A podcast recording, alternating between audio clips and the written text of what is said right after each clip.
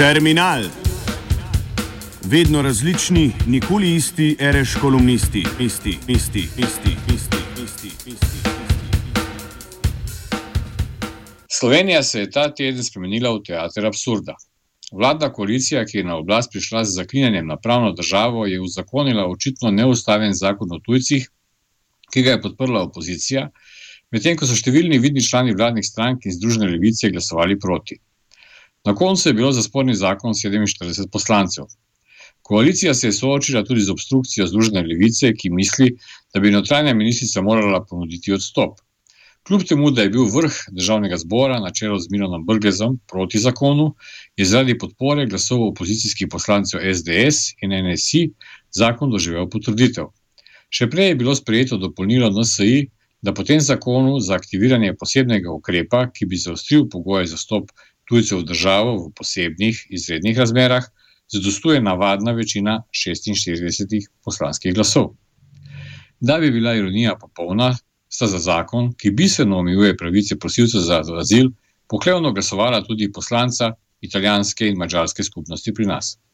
Za zmanjšanje pravic ljudi, ki bežijo pred vojno, so sta torej glasovala predstavnika skupnosti, ki sama predstavljata ogroženo manjšino in imata v skladu s slovenskim ustavnim redom tako ali tako privilegiran položaj v primerjavi z drugimi narodnimi skupnostmi. Naprimer, s pripadniki narodov drugih republik nekdanje SFRJ, ki nimajo prav nobenih posebnih ustavnih pravic, čeprav jih je v Sloveniji desetkrat več kot pripadnikov italijanske in mačarske skupnosti. Kritike ravnanja vlade, ki smo jih te dni slišali v parlamentu, so bile zato več kot upravičene. Pa čeprav so jih veliko krat izrekali tudi tisti, ki so v preteklosti sami odigrali precej žalostno vlogo na slovenskem političnem parketu. Pred nami je zakon, ki je neustaven. Zakon o tujcih bi moral biti danes umaknjen, Ministrica za notranje zadeve pa bi morala ponuditi odstop, je dejal poslanec Združene levice Matej Vatovec. S tem zakonom pa smo res dosegli dno, je vladi povedala nekdanja premjerka, poslanka Alenka Bratušek. Uzakonili boste kršenje človekovih pravic in ustave in to koalicija, ki zase pravi, da je socialno liberalna, nekakšna radikalna desna vlada. Prvi bomo v Evropi s tako radikalno zakonodajo, je opozorila nekdanja predsednica vlade.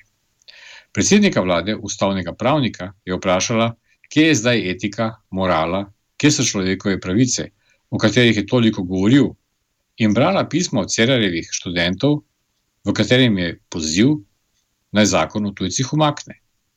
Da je zakon nepotreben, je opozarjal tudi nekdanji obramni minister in član SD Janko Weber, ki je sprejetje zakona odsvetoval, ker ogroža nacionalno varnost.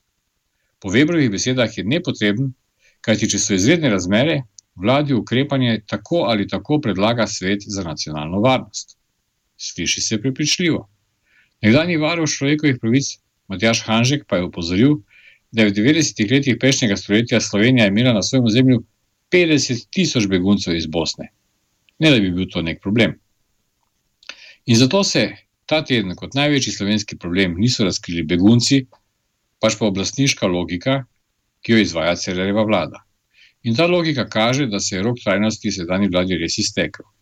Vladna koalicija z vsakim dnem, ko ostaja na oblasti, vedno bolj spominja na vse pretekle desno-sredinske vlade in v marsičem celo presega žalostne dosežke Janševe vlade. Poskus uvajanja davka na internet, zaostrovanje politike do tujcev in prizvanje javnemu mnenju z represivnimi ukrepi na južni meji kažejo, da je za Slovenijo popolnoma vseeno, če vlado vodi Miro Cerar, Janez Janša ali pa kakšen drug politik desnice.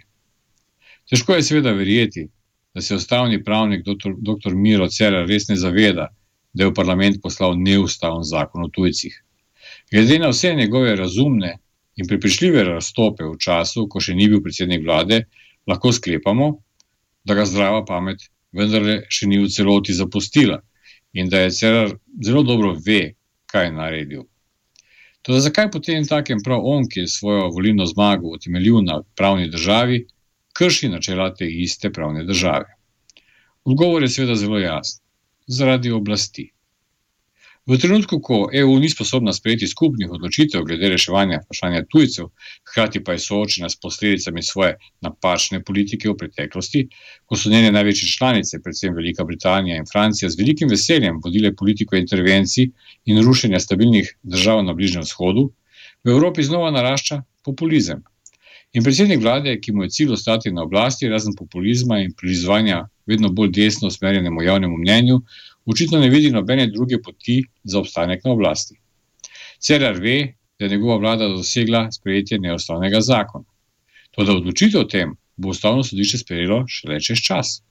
Dokler odločitev ne bo sprejeta, si je Cerarjeva vlada s tem neustavnim posladkom za slovensko javnost znova kupila nekaj časa.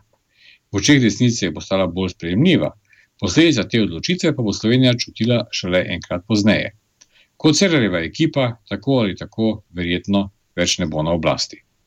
Približno enaka logika je bila veljavi tudi ob nastanku problema izbrisanih. Vsa opozorila o neustavnem početju vlade so bila za manj. Tudi Demosova vlada je po letu 1991 vodila podobno nezakonito politiko, račun za njo pa smo po več desetletjih z milijonskimi škodninami začeli plačevati šele sedaj. In to je že po vseh državljanov ne pa politikov, ki so medtem lepo poskrbeli za svoje karijere in debele denarnice. Vendar ima ta logika še en problem. Ta problem pa je star kot politika sama. Gre za vprašanje o ciljih in sredstvih. Vprašanje je preprosto. Ali je z nezakonitimi, nemoralnimi in neetičnimi sredstvi mogoče doseči kaj dobrega? Odgovor na to vprašanje žal ni preprost. Če bi bil enoznačen, potem tudi politiki nikoli ne bi uporabljali laži in prevar za dosego svojih ciljev.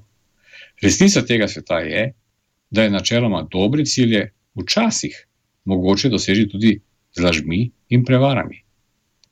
Ameriški predsednik Franklin Roosevelt je, na primer, ameriško javnost zavestno zavajal glede ciljev svoje politike, saj je bil pripričan, da Hitlerjeve Nemčije in nacizma ne bo mogoče ustaviti brez ameriškega sodelovanja v vojni. Imel je prav.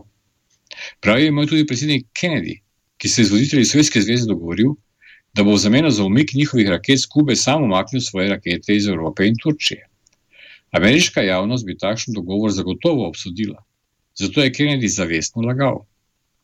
Danes mu nihče ne zameri laži, s katero je rešil svet. Zato številni drugi ameriški predsedniki, Johnson, Nixon, Bush, mlajši Clinton, so dokazali, da so njihove laži svetu prinesle samo nove tragedije in uničenje, ter na koncu škodile državi in svetu. Enako velja tudi za druge številne politike po svetu, ki so doživeli enako žalostno usodo.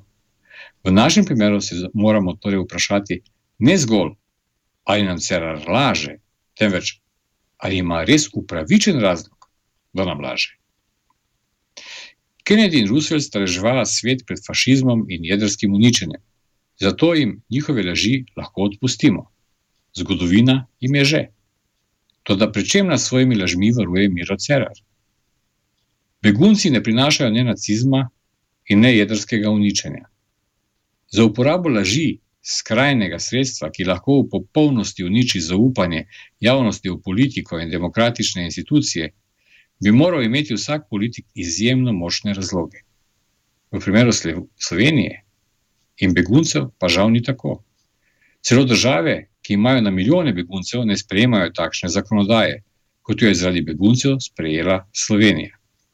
Zakaj je bilo torej potrebno sprejemati neustavni zakon in ga zavijati v celofan tako prozornih laži? Ker pravih razlogov za to ni, je Cerereva vlada naredila dve napake. Prvič s tem, da nam je lagala, drugič pa, in ta je še hujša ker nam je lagala brez utemeljenega razloga. Vlada, ki laže brez pravega razloga, pa ni romantičen upornik brez razloga, pač pa si sploh ne zasluži, da vlada. Terminali pripravijo Igor Mekin.